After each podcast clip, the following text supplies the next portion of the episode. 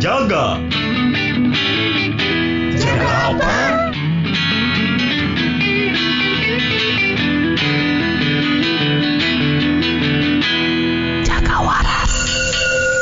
Selamat dini hari warga Jaga Waras. Selamat datang di episode keempat Jaga Terang. Dan pada episode kali ini kita akan berbicara tentang working holiday visa di Australia dan kehidupan di Australia secara umum.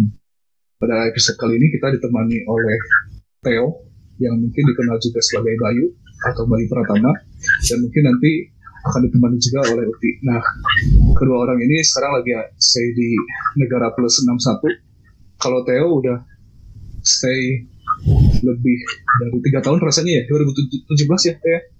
Ya, tiga setengah tahun sih. 2017 Ya, setengah tahun terus kalau Uti kalau nggak salah akhir 2018 ya. Iya. Ada Iya, di sini iya. orangnya browsing aja. Ya?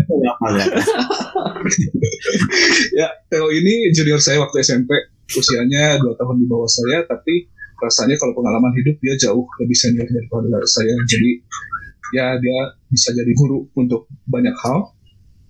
Um, sebelumnya Theo ini pengalamannya luar biasa, pernah naik sepeda sampai Pulau Komodo ya Teh. Naik sepeda dari Bandung ke Pulau Komodo. Buat angkot oke atau bus oke cenaya Teh. Trayeknya kali itu dalam mana yang biasa punya.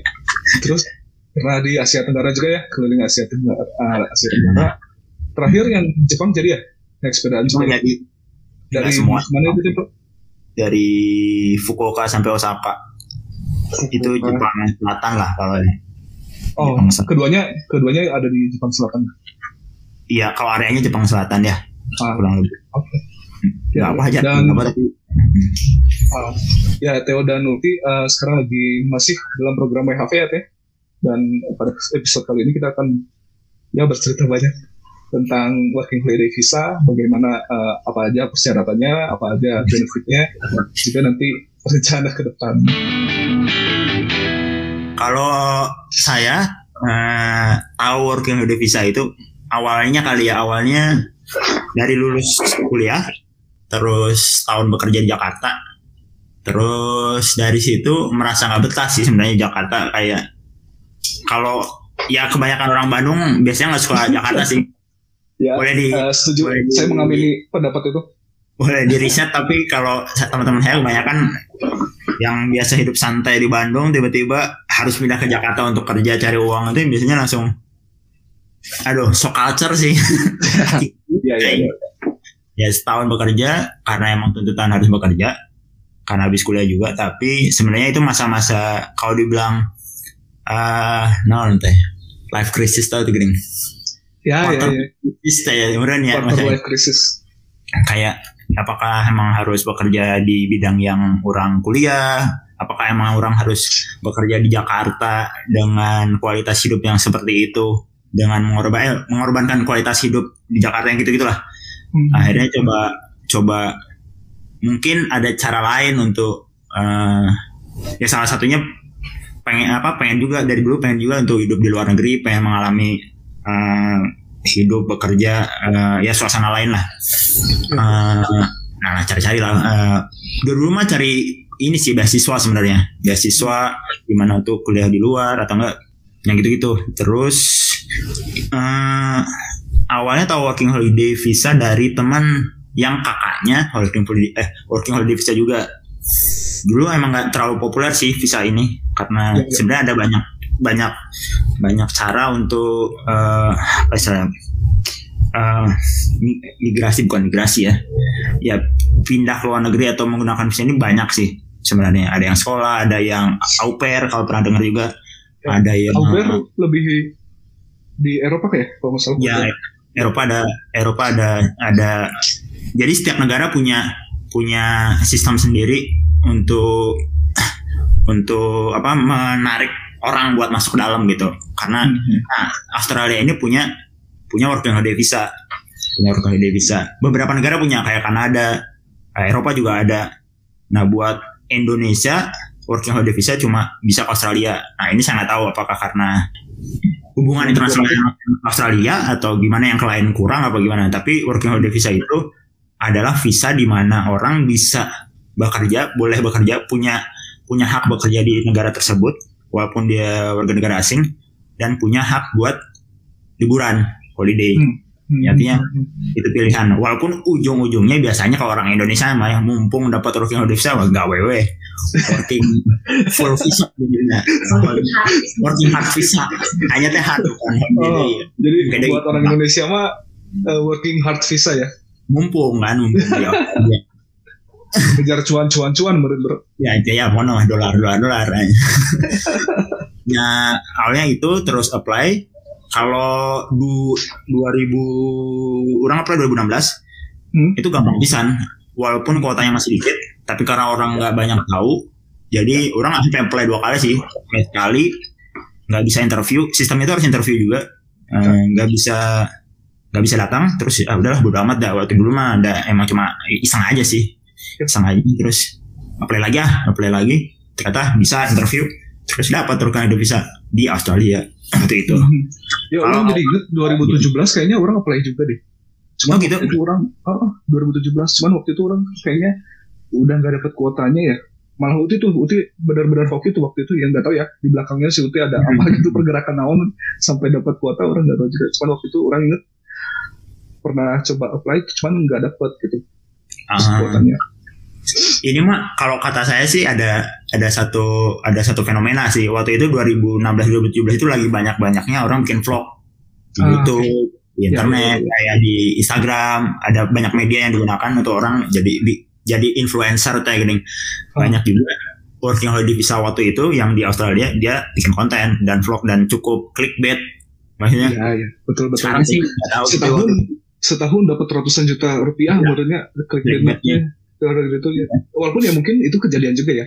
Maksudnya kalau uh, Hmm. WHV-nya benar-benar dijadikan working hard visa gitu ya itu mungkin sesuatu yang realistis juga ya untuk didapat. Eh ya realistis sih sebenarnya. Memang eh, kalau bekerja ya bisa aja. Cuma karena ya ada ada efek berikutnya. Dari clickbait itu karena semua orang jadi tahu. Kita Ah. punya kuotanya sama si Australia atau yang nggak terlalu banyak. Terus jadinya kandidatnya jadi banyak yang mau apply. Nah akhirnya persaingan berikutnya adalah persaingan calo sih sebenarnya. Habis itu banyak calo ujung-ujungnya karena serius? bro? Oh banyak. Oh, Yang saya tahu malah bukan di sana.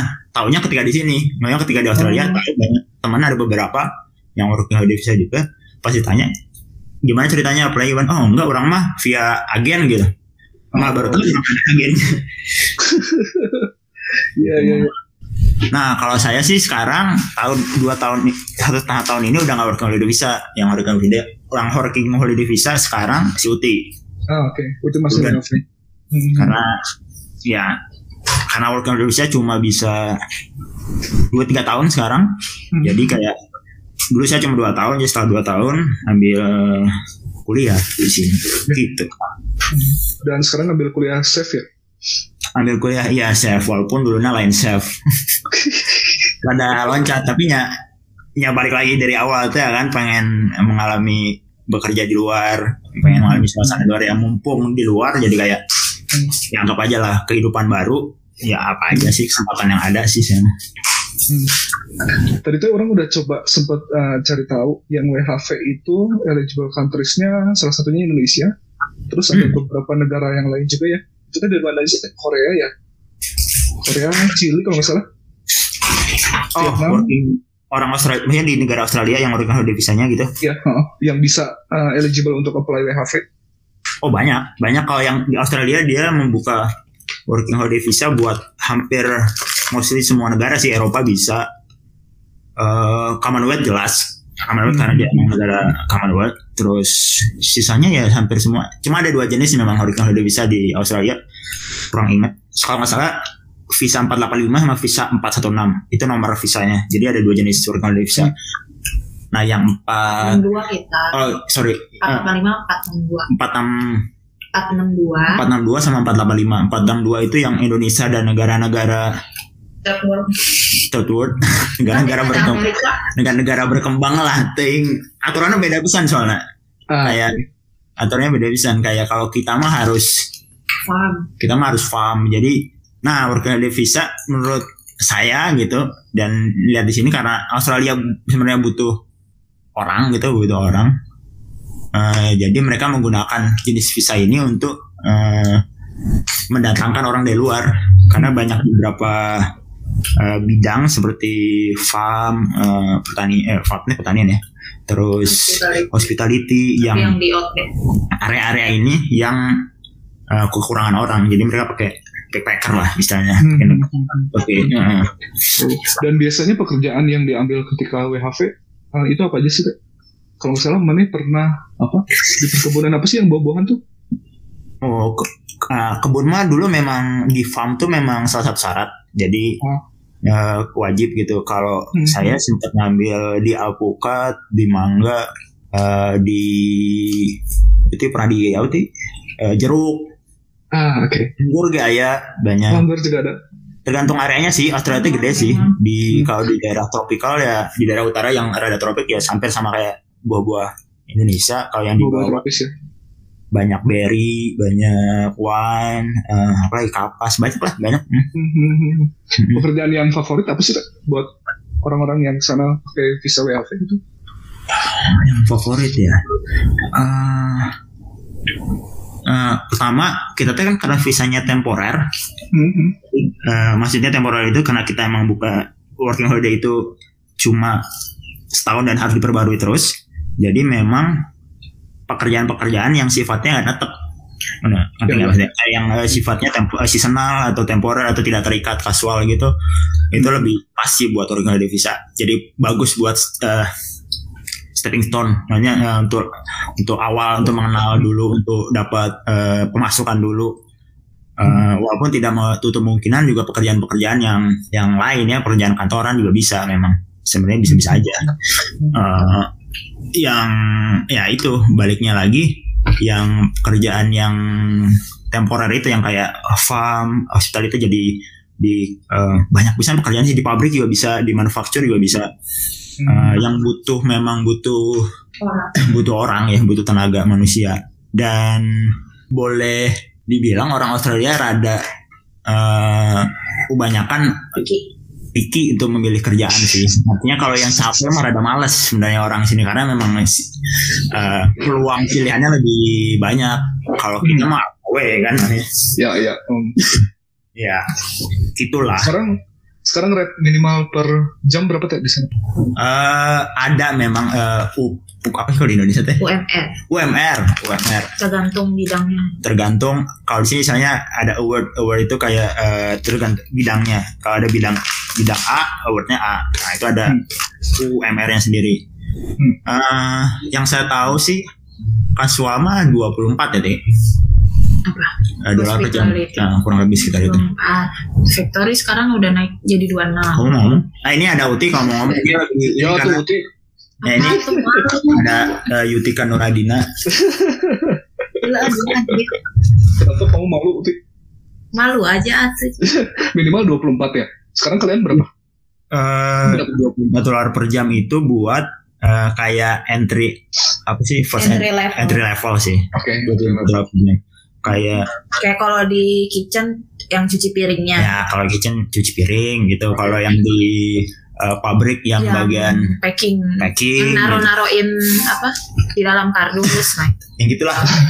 Tapi kalau penting ya orang kalau zaman waktu di Indo tuh nggak kebayang pekerjaan-pekerjaan di sini. Tapi ketika di sini tuh sebenarnya banyak pisan pekerjaan yang eh, nggak ada di Indo. Maksudnya yang kayak mungkin ada. Mungkin ada tapi tapi Mungkin kayak ada, cuman gak kepikiran bro sebelumnya. misal kayak- kia bukan cita-cita orang-orang gitu bukan iya kayak Ah, ya, ya, ya, ya, ya. kalau di sini mah banyak ini kan tukang apa plumber bricklayer Ah.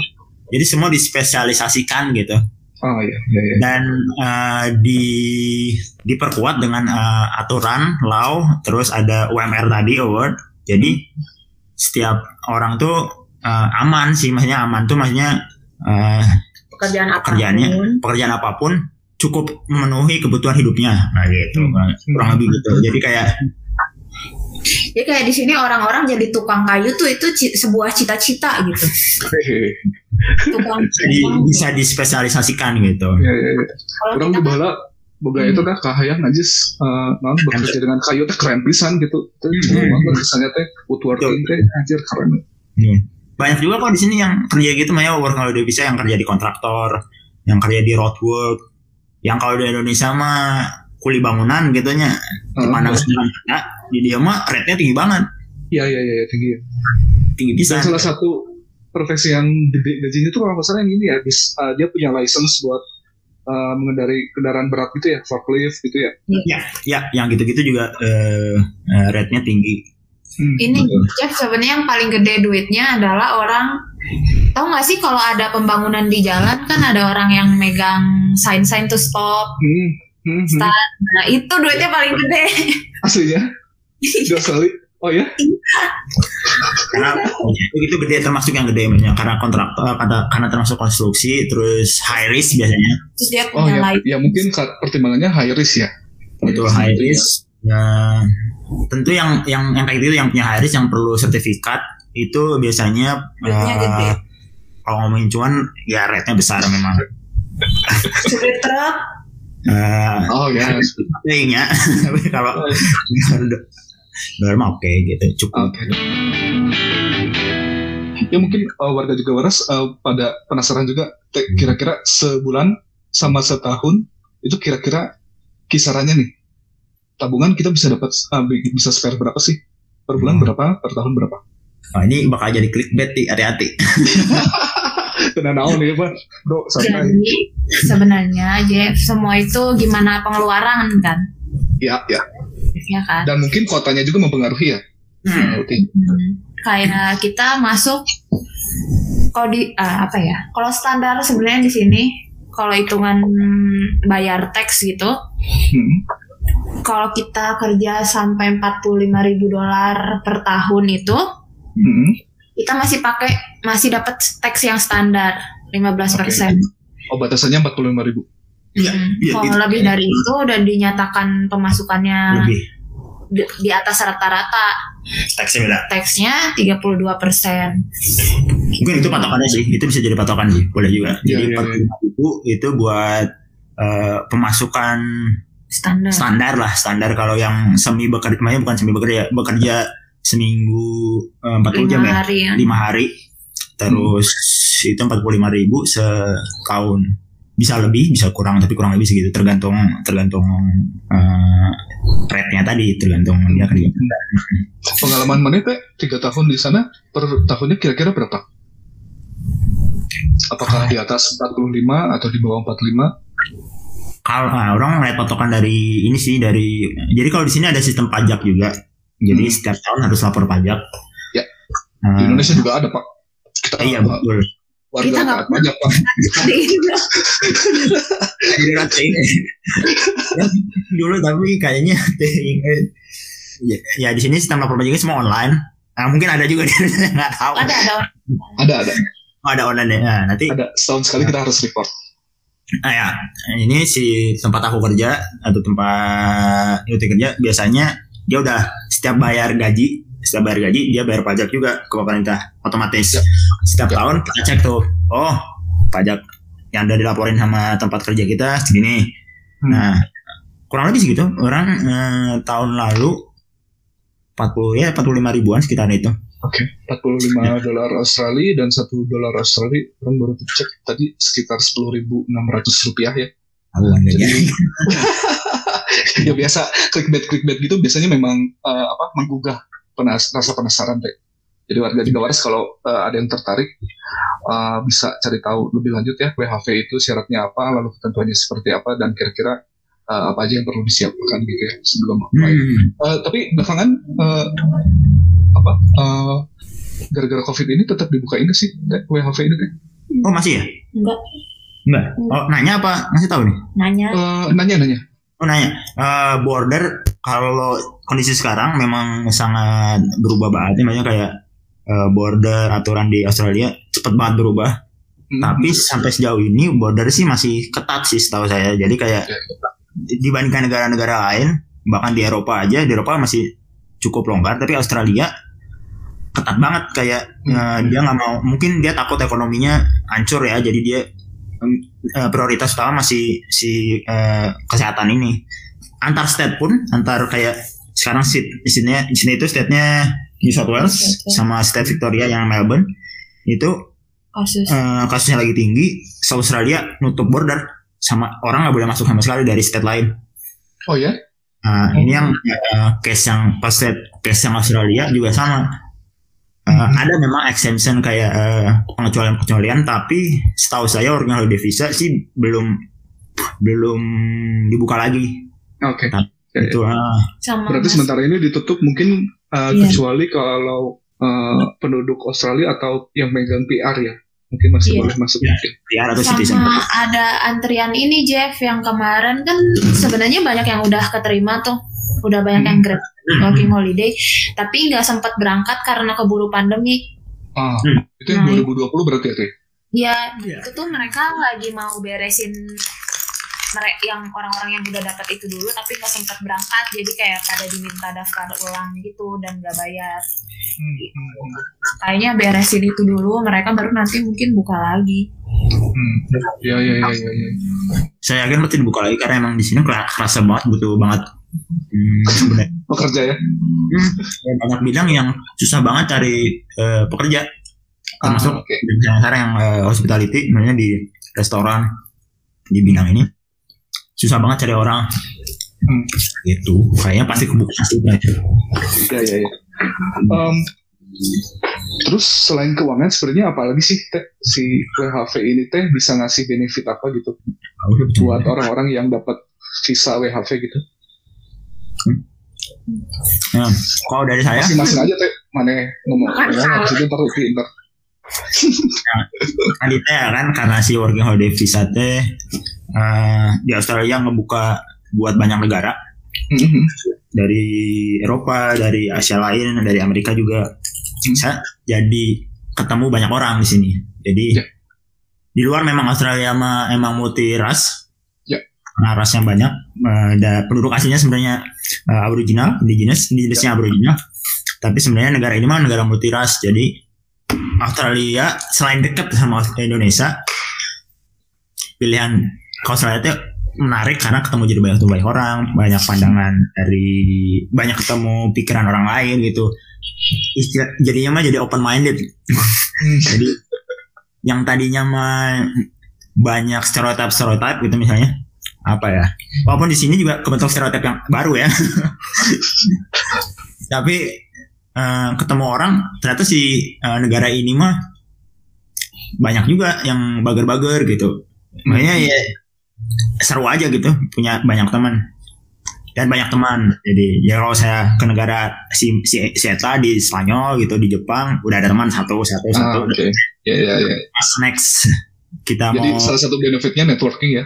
benar networking kita pisan saya sih lebih lebih kerasa itu sih makanya jadi saya mah suka suka sih berteman dengan orang baru gitu Hmm, hmm. Eh, saya cenderung kalau uang mah nggak nggak banyak soalnya di sini yang working holiday visa udah punya goal dan target gitu Hmm. kayak sebelum berangkat pokoknya setahun ini orang harus menghasilkan sekian gitu di breakdown sampai per minggu gitu jadi kalau saya ya?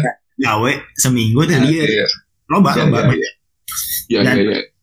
Eh, bisa dan memang bisa gitu. Makanya kalau kita mau emang mau dengan tujuan itu ya bisa tapi orang mah santai banget sih wak- waktu working holiday. Menikmati aja ketemu dengan orang. Hmm. Eh, asal ada pemasukan ada bisa hidup di sini bisa nabung Ya gitu orang mah. Hmm. dari Uti sama sih. Sebenarnya itu sih poinnya ke Australia tuh karena di sini melting pot banget sih Jeff. Hmm. kayak benar-benar bisa dapet temen dari segala macam ras. Kayak kalau kita mau ke mana-mana nanti Rasa apa sih? Golden gitu? tahu gitu kan. Husky. iya.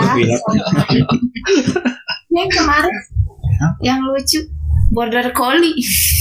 Apa ras anjing oh iya ya gitu sih aku sih seneng ketemu orang sih dapat duit juga senang ngeluarin duitnya juga senang Hmm, hmm, hmm. Hmm. Dan mungkin bisa jadi alternatif kalau kita penat atau punya kondisi yang nggak menyenangkan di Indonesia juga ya. Eh, ini, ini ini salah satu salah satu yang kami rasakan Ah, Oh, iya. Yang saya- gitu?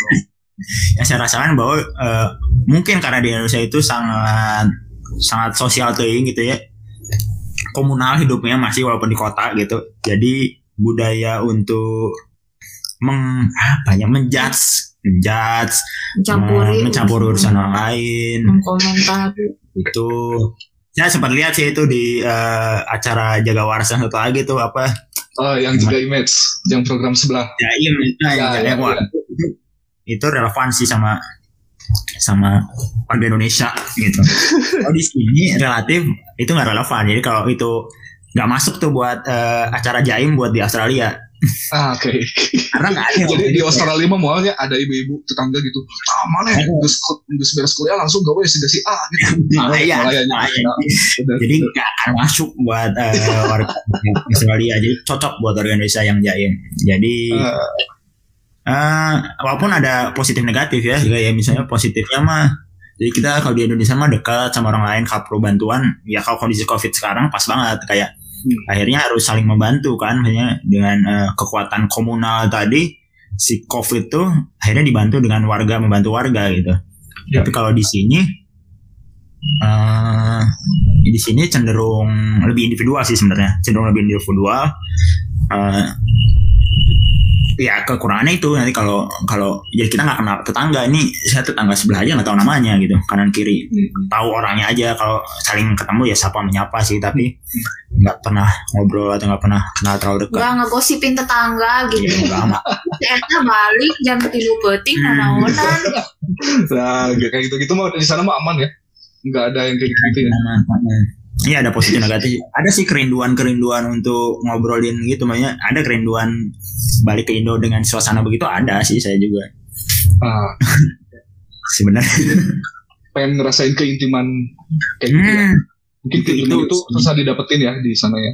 nggak ada di sini memang eh, orang-orang kumpulan orang Indonesia tapi ya eh, kebanyakan sih udah udah udah jadi udah karena culture-nya Australia di sini hidupnya hidup masing-masing juga sih Hmm, hmm, hmm. Mana sendiri prefer kalau ngumpul nih di luar kerjaan gitu, prefer ngumpul sama orang-orang Indonesia juga atau enggak? hmm lebih oh kita temannya banyak orang Indonesia memang di sini Akhir-akhir ini Enak-enak ya setelah di Adelaide Eh, ya Hmm.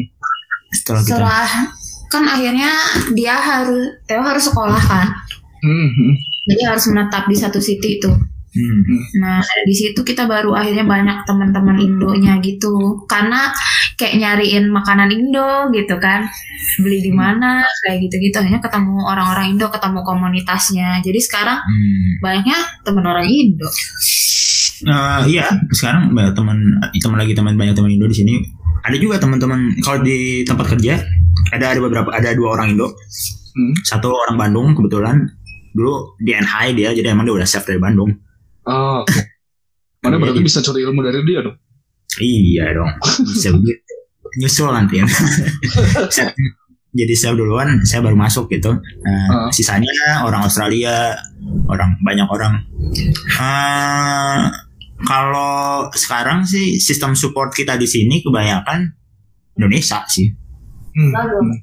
Karena eh, lebih budayanya lebih sama aja sih budayanya lebih sama tapi kalau eh, dengan berteman sih kita dengan siapa aja sih banyak banyak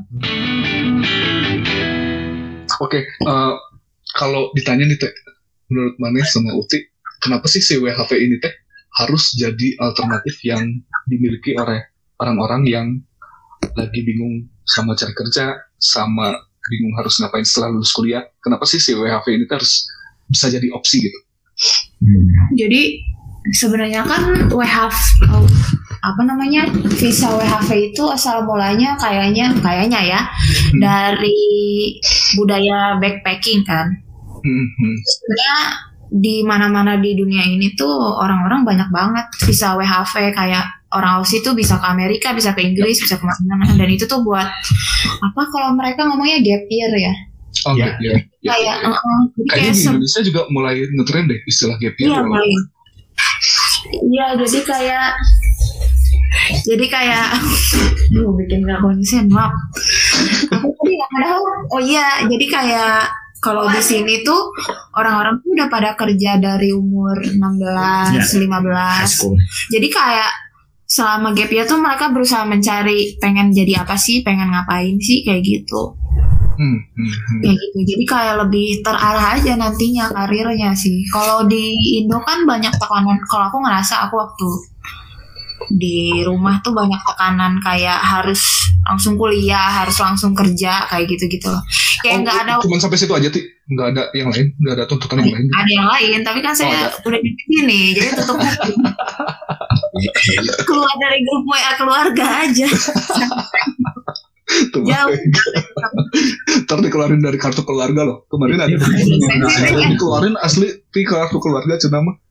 Ah, ya udahlah terus ya maksudnya kayak akhirnya kalau ke sini dulu tuh ada waktu untuk mikir lagi gitu kan sebenarnya apa yang aku lakukan tuh aku suka nggak sih kayak gitu Ya, dan ya, di ya.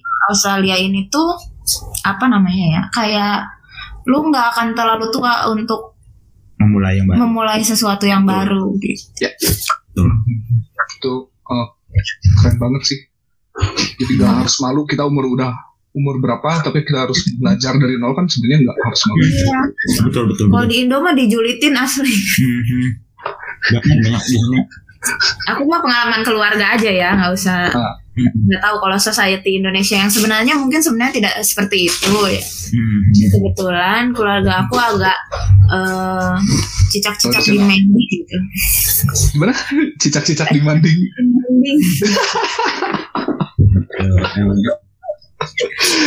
Kalau mana gimana teh? Kayaknya kalau Ah. dari keluarga keluarga eh, pengadilan mah cukup bebas ya, membebaskan ya, nggak ada banyak pagar-pagar yang memba- apa menghalangi pergerakan mana ya. Oh iya. Eh, Jadi kalau Jeffrey ini kan tahu buat jaga waras, keluarganya sebutnya apa warga jaga waras ya bener. Yoi. Nah, jaga waras juga tahu bapak saya sebenarnya. Karena sama-sama satu tempat ibadah ya gitu. gitu. Kalau dari keluarga, ini ngomongin apa sih pertanyaannya tadi? Eh, kenapa WHV ini harus jadi salah satu opsi anak-anak muda? Oh iya. Ah, working holiday visa harus jadi oh, di Indonesia kan. Eh, kalau ada kesempatan sih saya menyarankan untuk eh, orang eh, anak muda di Indonesia terutama yang baru lulus gitu yang belum tahu mau ngapain. Kecuali udah punya kalau kecuali udah punya strategi ya setelah lulus gitu working holiday visa cocok sih buat eh, eh, anak-anak yang lagi quarter life crisis gitu. Biar biar melihat dunia dulu gitu biar nantinya mau balik lagi nggak masalah mau eh, bikin rencana baru setelah sini juga nggak apa-apa gitu. Ya, ya. jadi bagus gitu maksudnya jadi bagus lihat lihat eh, lihat opsi sebenarnya opsi opsi lain gitu Ya. Kalau bisa kalau punya kalau punya kesempatan Hmm. saya sih begitu ya kalau dari keluarga saya terbuka sebenarnya awalnya Kalau dia nggak ada tekanan jadi ke sini. Nah, kalau kebetulan bapak saya dan ibu saya cukup terbuka gitu, jadi tidak ada tekanan harus eh, bekerja. Walaupun sudah ada pertanyaan-pertanyaan ya, eh, kawin gitu ya, gitu. Apa? Ya jadi cocok juga sih buat eh, teman-teman yang punya eh, cinta beda agama gitu di Indonesia. Rada susah sih memang. jadi bisa bisa ini cuma contoh aja bukan bukan bukan saya ya ini mah kasus lain bisa ada kasus lain gitu Oh, iya, iya, iya. Sebutlah si X sama si Z gitu ya. X sama Z gitu Eh, di sini karena sosialnya tidak mencampuri urusan orang lain lebih lebih enak lebih lebih nyaman gitu Malah kadang di encourage gitu ya. Ah, Untuk apa? Ini kan kayak, oh itu tidak masalah gitu. As long as you love each other. Jadi rencananya si X sama si Z itu mau melegalkannya di Australia aja gitu, Teh. Ya udah legal Oh, udah legal. legal secara apa nih? Nembak ya mana itu saja sertifikatnya? siapa, tapi ini kayaknya nggak bisa dibicarakan lebih lanjut. Oh, Oke. ya, ya, ya. Eh, podcast jaga waras kalau ada yang mau boleh dikonsultasikan gitu Eh, Teh sama Uti, eh, setuju nggak? Ah, ya ini saya nggak tahu ya, saya nebak-nebak aja nih. Si WHV ini sebetulnya membantu diri kita untuk eh, lebih mengenal diri kita sendiri gitu. oh iya saya cukup setuju dengan Kang Jepri betul. Setuju setuju. Setuju maksudnya banyak medianya memang banyak media untuk eh, untuk apa mengenal atau apa mengetahui sebenarnya kita tuh maunya apa ya gitu. Ya, ya, ya, ya. Itu. Maunya um, apa maunya apa. Itu mah wajar nggak nggak harus quarter life crisis sih. Itu mah bisa Iya, iya. terjadi sama saja di umur berapa saja sebenarnya. Ya, ya betul-betul itu mah apa ya istilahnya ya masa pencarian ya. Dan Mm-mm, mungkin ketika kita mengha- apa dihadapkan dengan kultur yang berbeda, orang-orang dengan yang berbeda gitu backgroundnya mungkin kita bakal lebih mengenal diri sendiri juga gitu kan. Pada ketemu orang-orang yang mungkin dengan kultur yang sama. Hmm. Saya sering ini sih sering kalau di Indonesia mah sering bisa namanya sering bisa ngelihat orang-orang atau teman-teman saya sekampus gitu atau teman-teman lain yang dia memilih jurusan ini kalau ngomongin jurusan apa pendidikan lagi milih jurusan A gitu tapi nggak tahu sebenarnya si A itu belajar apa eh, prospek kerjanya apa atau dia aja nggak tahu apalagi nggak tahu dia juga suka apa enggak gitu. Biasanya karena faktor macam-macam bisa karena faktor keluarga faktor teman faktor lihat bahwa misalnya si fakultas atau jurusan ini tuh favorit. Belum tahu Uh, mungkin itu favorit tapi kalau bagi dianya dia nggak suka dan nggak nggak nggak mampu gitu ya jadi nggak nggak bisa juga ya Akhirnya jadi nggak ada nggak ada fungsinya bagi dia nggak ada eh, tidak memenuhi tujuannya hidup dia gitu. Ya balik lagi eh, banyak eh, caranya. Kalau bisa bisa jadi opsi buat teman-teman untuk lihat lihat hal-hal yang baru lihat eh, ya lihat dunia yang baru gitu. Nggak harus di Australia bisa ke yang lain. Misalnya au pair gitu. Eh, bisa Jerman eh, bisa yang ada kesempatan ya. Mhm. Singapura lah minimal. Ya kalau nggak keluar dari Pulau Jawa gitu. Ah, keluar dari zona nyaman sih sebenarnya mah intinya nggak nggak nggak nggak misalnya yang teman-teman yang di Bandung gitu eh, udah dari kecil di Bandung eh, ya coba coba untuk kalau sudah terlalu nyaman terus jadi tidak produktif mungkin pindah ke suasana yang baru juga bagus gitu misalnya ke Bali Orang terlalu nyaman ya itu, tapi orang ngerasa kayak produksi sih. iya itu nggak masalah sih Nah, masalah ya. nyaman dan produktif sih itu masalahnya maksudnya nggak nggak masalah tapi Nah. ketika nyaman terus jadi cicing wae eh, Nongkrong. wae gitu banyak teman memang tapi tidak bisa menghasilkan apa makanya si networkingnya tidak bekerja gitu bagi dirinya atau tidak berfungsi buat si komunal tadi gitu teman-teman sekitar Hmm. gitu Akhirnya, ngapain gitu setuju kan Ya ya ya ya. ya. Ya, intinya ini lah. Ya gitu. Mm-mm, gitu Aku mati. Nggak. Sambil orang bacain ya syarat-syarat kalau ada warga Jaga Waras yang tertarik sama program WHV, syarat-syaratnya itu apa aja? Em, yang pertama, yang pasti harus punya paspor ya. Paspor, Hmm. terus eh, berusia, usianya tuh yang eligible tuh 18 sampai 30. udah habis aja Waktu kerja mendaftar. Kenapa? Eh, Jeffrey udah nggak bisa ya Orang geus teu, eh, orang geus lewat ya. Satu, Kanada 35 Ke mana? Kanada 35 Eh, ya usia 18 sampai 30 terus baru pertama kali mendaftar. Eh, kalau sebelumnya udah pernah WHV terus udahan itu nggak bisa lagi. Terus memiliki kualifikasi pendidikan dan tingkat kemampuan bahasa Inggris yang cukup. Nah, ini tuh bisa dibuktikan dengan IELTS 4,5 nilainya. Em, kayaknya ini bisa yang general juga ya teh ya. Si IELTS mah nggak harus yang akademik ya. Ah iya, bisa akademik, bisa general. Tapi ya, kalau mau emang tujuannya mau sekolah nantinya, mending ambil akademik sekalian biar enggak ya. dua kali ambil. Eh, ya bisa cari tahu aja IELTS itu apa, lalu bedanya yang general, uh, general sama akademik itu apa, bisa di google aja IELTS. Untuk WHV nilainya minimal 4,5. Terus memiliki tabungan minimal do, uh, 5.000 dolar Australia. Eh, ya ini ada beberapa trik juga sebetulnya ya. kalau masalah eh, caranya mau kayak apa eh, tabungan orang tua juga rasanya masih boleh ya waktu itu nih Boleh, boleh. Dong sebelah. Tabur dong sebelah. Soalnya. Ah, terus kalau misalnya warga jaga waras nggak memungkinkan nih dapat bukti tabungan yang uh, 5.000 dolar Australia, langsung hubungi aja Theo, minta aja nanti Theo langsung transfer. 5.000 dolar Australia. terus uh, ini ada surat rekomendasi, kalau nggak salah ini surat rekomendasinya dari uh, pemerintah kita ya. Jadi Ah nanti, uh, secara itu nanti di, eh, apply terus interview. Nah itu sudah rekomendasinya setelah interview. oh setelah interview ya. Dan Hmm. bilang ini tuh surat rekomendasi ini uh, surat sakti, jadi ini tuh benar-benar penting untuk didapat. Code tiket Terus, lah, code tiket. Bu, ya. Terus ada medical check up ya ini mungkin nanti bisa uh, kalau udah dapat si surat sakti yang tadi. Hmm, benar. Betul, betul. Itu syarat-syaratnya. Kalau misalnya ada yang nggak jelas bisa langsung tanya aja di Twitter bisa di Instagram @jaga_waras. jaga